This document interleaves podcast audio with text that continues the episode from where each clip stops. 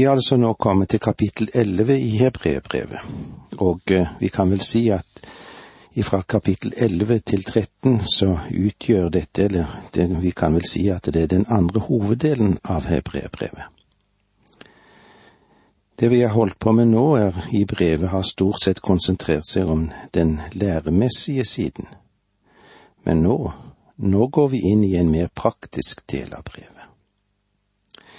Vi begynner med det kapitlet som vi vanligvis kaller for troens kapittel.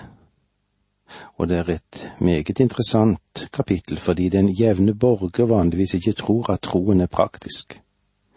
Men hebreerbrevet, den viser oss at det er den. Kapittel elleve kalles også av, av mange for troens æresgalleri. Og eh, vi skal nå nærme oss dette kapitlet fra troens standpunkt. Hva troen har betydd i menns og kvinners liv gjennom seglene oppover, og under alle forhold. Helt fra porten i Edens hage ble stengt og frem til i dag. Dette kapitlet illustrerer troen for deg og troen for meg.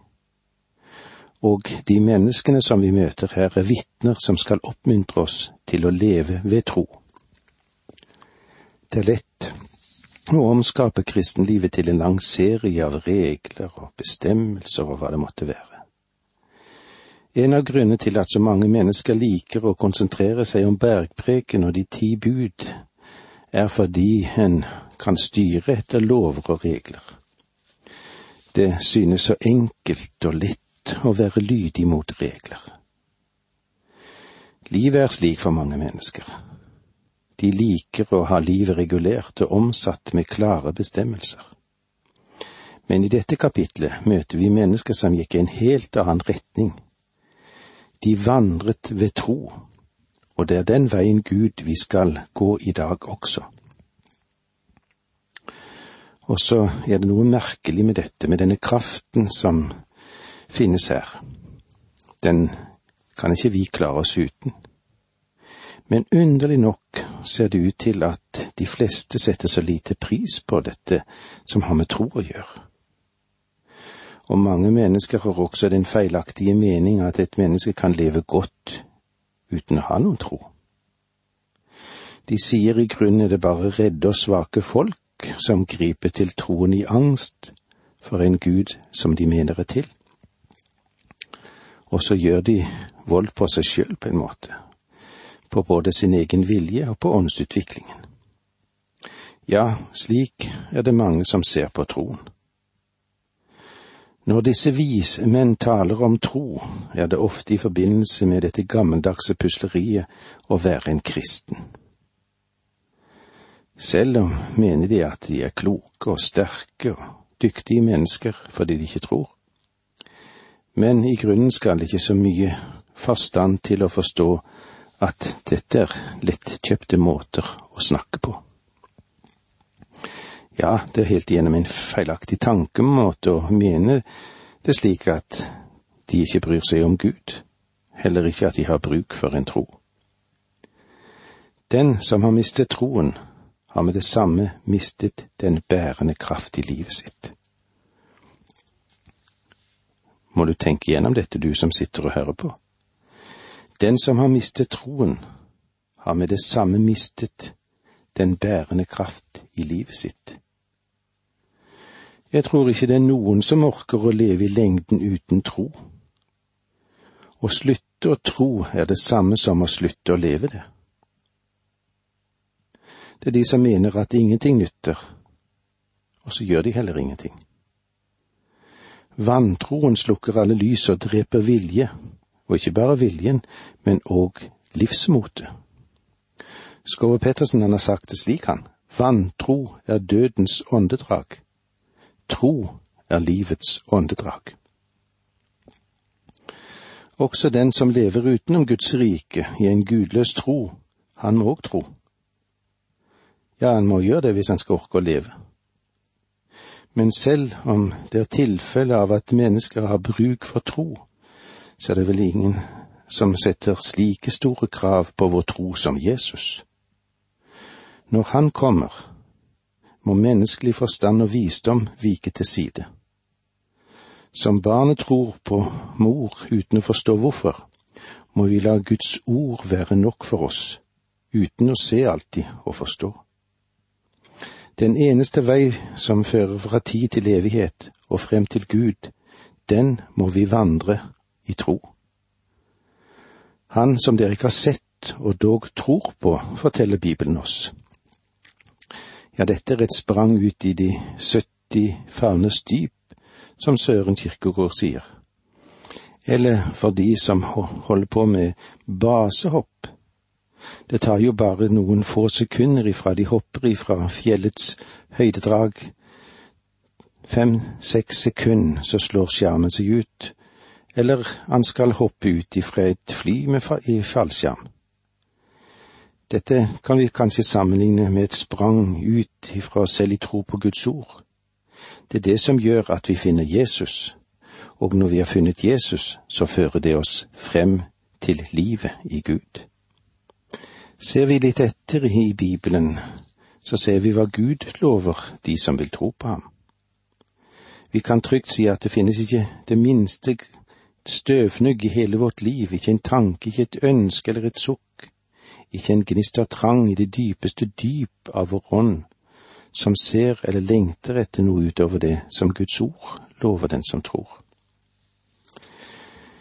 Det er eh, en harmoni som finnes mellom den livstrang som ligger i oss, og det som Bibelen lover å gi dem som tror på Jesus og om alle mennesker kunne lengte etter Jesus, at de kunne søke inn i Guds ord, ikke søke steder der Guds ord ikke finnes. Vi kan få lov å drikke av en kilde av levende vann. Ved tro fikk Abel det vitnesbyrdet at han var rettferdig. Enok så ikke døden og Noah ble berget da alt sank i hav. Abraham fant veien til det land han ikke kjente, og ventet sammen med de andre på å nå frem til byen som hadde de faste grunnvoller, som Gud er byggmester til, og han er skaperen til dette. I tro ble Isak ventet og ofret, og Moses, han ble berget i en kiste på Nilen, og israelsfolket, jo, de ble ført gjennom hav, ødemark og elv.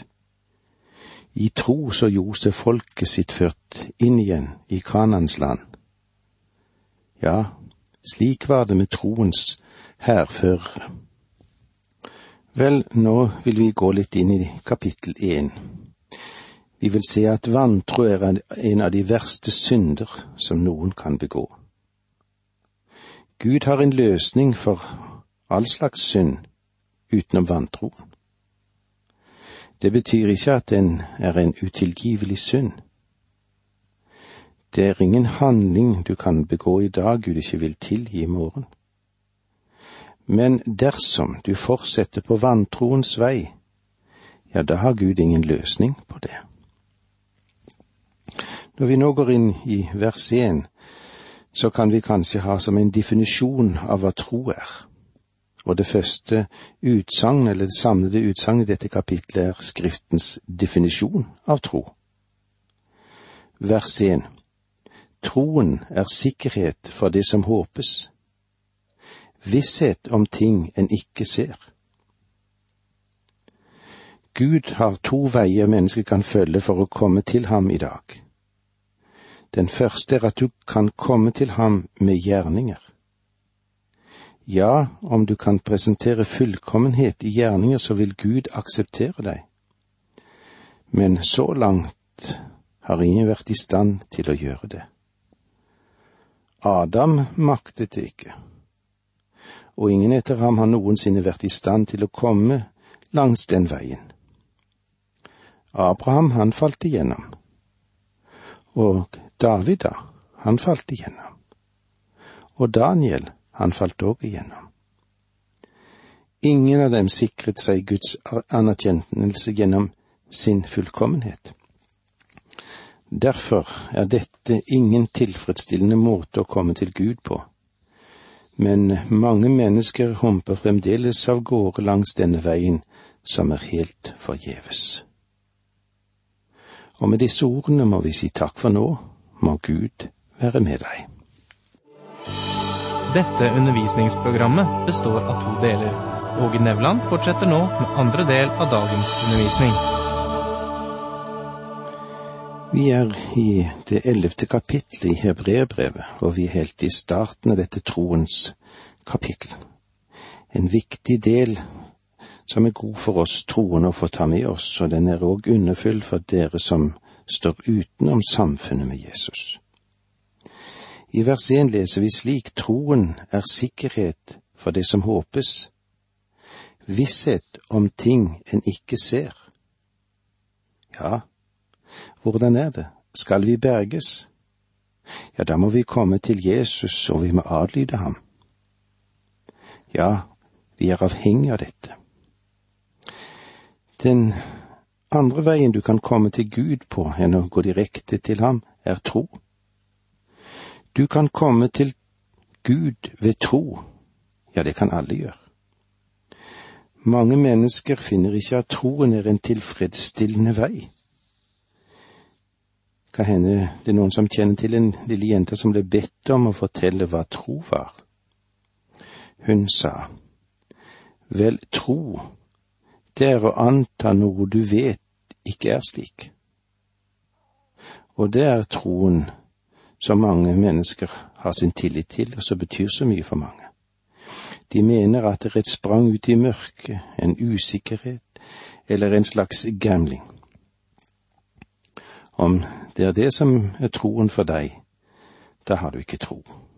For troen er sikkerhet for det som håpes, visshet om ting en ikke ser, som betyr at troen hviler på et fundament.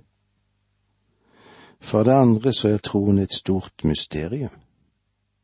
Det er en slags sjette sans, eller en slags intuisjon inn i det åndelige feltet, eller en slags sesam til en ny verden. Troen for slike mennesker er som å tilhøre en slags hemmelig orden som en vil bli innviet inn i, og eh, der det foregår noen mystiske gjerninger som Gud vil akseptere som erstatning for gode gjerninger. Om du bare tror hardt nok og godt nok. Demonene gjør en ganske god jobb med å tro, og de er ikke frelst og så har vi jo en mengde med kulturismer i dag som er demoniske, og de er ledet etter disse prinsippene. Troen for slike mennesker er som et smykke som skal gi lykke, og som du henger rundt halsen eller bærer med deg hvor du går. Men det er ikke tro. Spørjen sa det slik. Det er ikke ditt grep om Kristus som frelser deg, det er Kristus. Det er ikke din glede i Kristus som frelser deg, det er Kristus. Det er ikke engang din tro på Kristus som frelser deg, selv om den er et instrument. Det er Kristi blod og hans gjerninger. Det er det som frelser deg. Troen griper tak i det, og det er det hele. Troen er derfor ikke noe mystisk i det hele tatt. Det er det som ser hen til den Herre Jesus Kristus og som stoler på ham. Troen er ikke noe som legges til gode gjerninger. Noen mennesker rundt omkring i dagens menigheter ser på troen som en dressing som blandes i de gode gjerningers salat. Du har selv salaten, og du trenger bare litt smakstoff til den. Noen plusser bare på troen mens som en dressing på toppen av sine gode gjerninger. Det er ikke tro i det hele tatt, det. La meg få lov til å fortelle litt noe som skjedde i vår lille familie for en stund siden. Et av barnebarna sitter ved frokostbordet og sier Jesus er tøffere enn Gud. Pappaen spurte hva mener du med det? Jo, du skjønner det, pappa. Gud tåler ikke at vi gjør noe galt, men det gjør Jesus. Tro og tillit. La oss se litt på hva Skriftens definisjon av tro, slik som det blir gitt oss her. Troen er sikkerhet for det som håpes, visshet om ting en ikke ser. En gammel misjonær sa det på denne måten. Troen setter den troende sjel i stand til å behandle fremtiden som nåtiden og det usynlige som synlig. Men det er godt sagt. La oss gjenta det. Troen setter den troende sjel i stand til å behandle fremtiden som nåtiden, og det usynlige som synlig. Troen gir sikkerhet for det som håpes. Ser en på det greske ordet for sikkerhet, så er det hypostasis. Det er en vitenskapelig term det er det motsatte av hypotese eller teori. Det er det som hviler og grunnfestet på fakta. I kjemien ville det være stoff som nedfeller seg på bunnen av et prøverør etter at du har fullført eksperimentet. Hva er da selve substansen i det som er sikkerheten, selve sikkerheten? Ja, hva er nå det, da? det er Guds ord. Om din tro ikke hviler på Guds ord, så er det ingen bibelsk tro. Den må hvile på det Gud sier. Faktisk så betyr det å tro på Gud.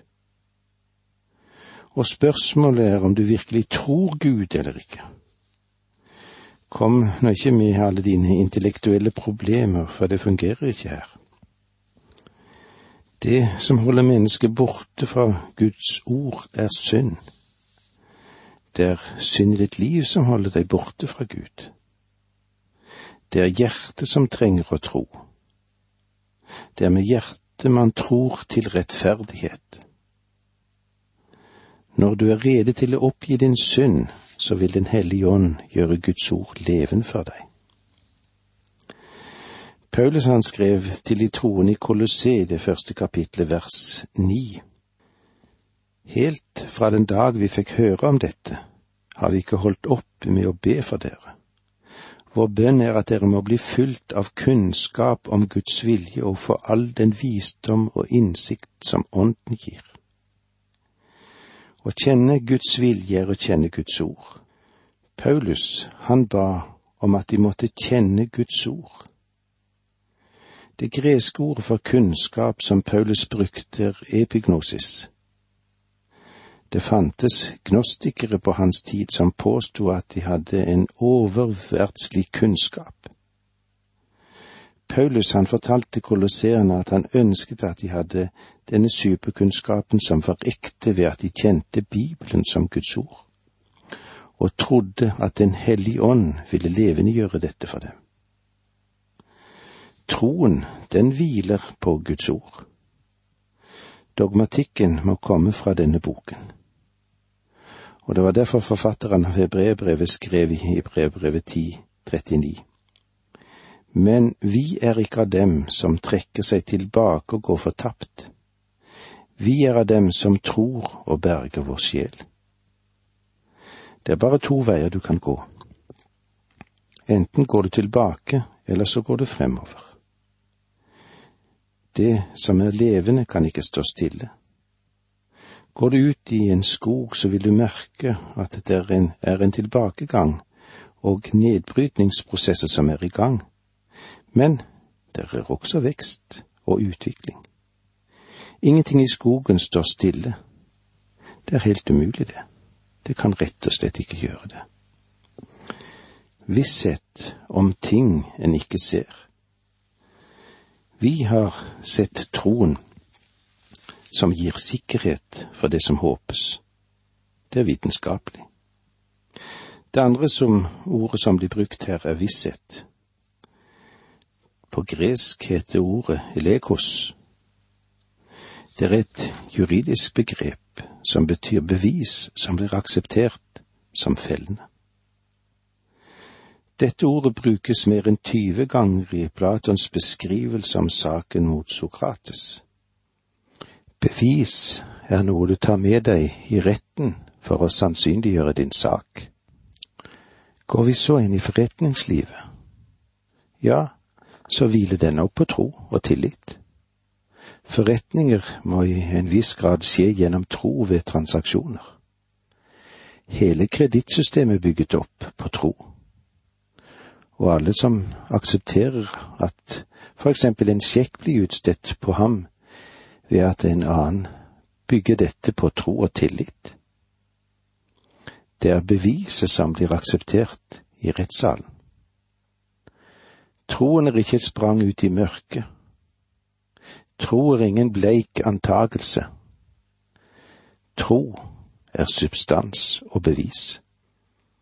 Substans for den vitenskapelige tanke, og et bevis for det jusspregede sinn. Om du virkelig ønsker å tro, er det mulig å tro. Du kan tro på en masse tåpelige ting der så, men Gud ønsker ikke at du skal gjøre det. Han ønsker at din tro skal hvile på Guds ord. Og med disse ordene sier vi takk for nå, må Gud være med deg.